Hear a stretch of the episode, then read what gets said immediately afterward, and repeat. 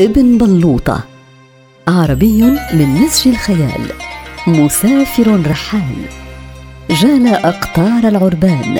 يجمع قصص تلك البلدان. يجلس في المقهى ويمضي وقته يروي للساهرين حوله قصة من أقاصيصه.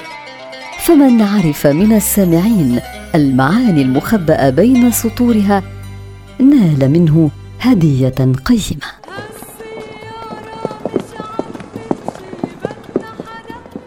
اقعدوا يا جماعة. هل علمت يا ابن بلوطة بما جرى مساء الأمس؟ مم بخصوص سيارة رفيق. تماما. وماذا جرى يا سلمان؟ كان يريد بيعها.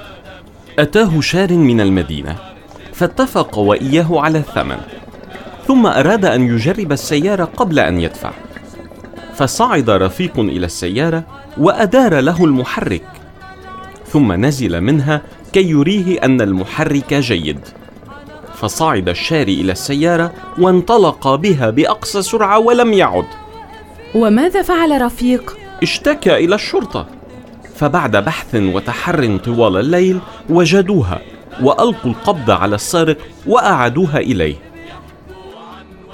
اسمعوا اسمعوا. يحكى أن أحد النصابين كان واقفا في الشارع يراقب من يقتنصه. وبينما هو ينظر رأى حمالا يسير وعلى ظهره كيس من الطحين. فهم وسار خلفه دون التفوه بأية كلمة. وبعد مسيرة عشر دقائق وصل الحمال أمام باب دار وكان في انتظاره امرأة هي صاحبة الدار. أشار النصاب إلى الحمال ليضع الكيس في الزاوية خلف الباب. فاعتقد الحمال أن الرجل هو من أهل البيت كي يشير عليه. بينما اعتقدت المرأة أن الرجل هو مرافق للحمال كي يأمره. فذهب كل من الحمال والنصاب في طريقه وأغلقت المرأة بابها. غاب النصاب عشر دقائق وعاد إلى بيت المرأة ومعه حمال آخر. فطرق الباب. فتحت له المرأة فعرفته. فقال لها عفوا سيدتي لقد حملنا إليك كيس الدقيق الخاطئ وهو من نوعية ليست بجيدة. سوف أبدله لك بنوعية أفضل. وقال للحمال تعال يا ولد. وأشار إلى الكيس الموضوع خلف الباب.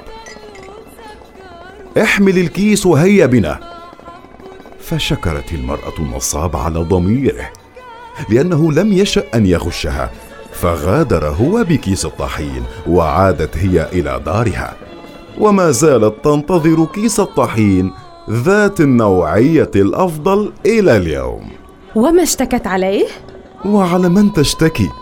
النصابون أذكياء ملاعين ويعرفون كيف يخرجون كالشعرة من العجين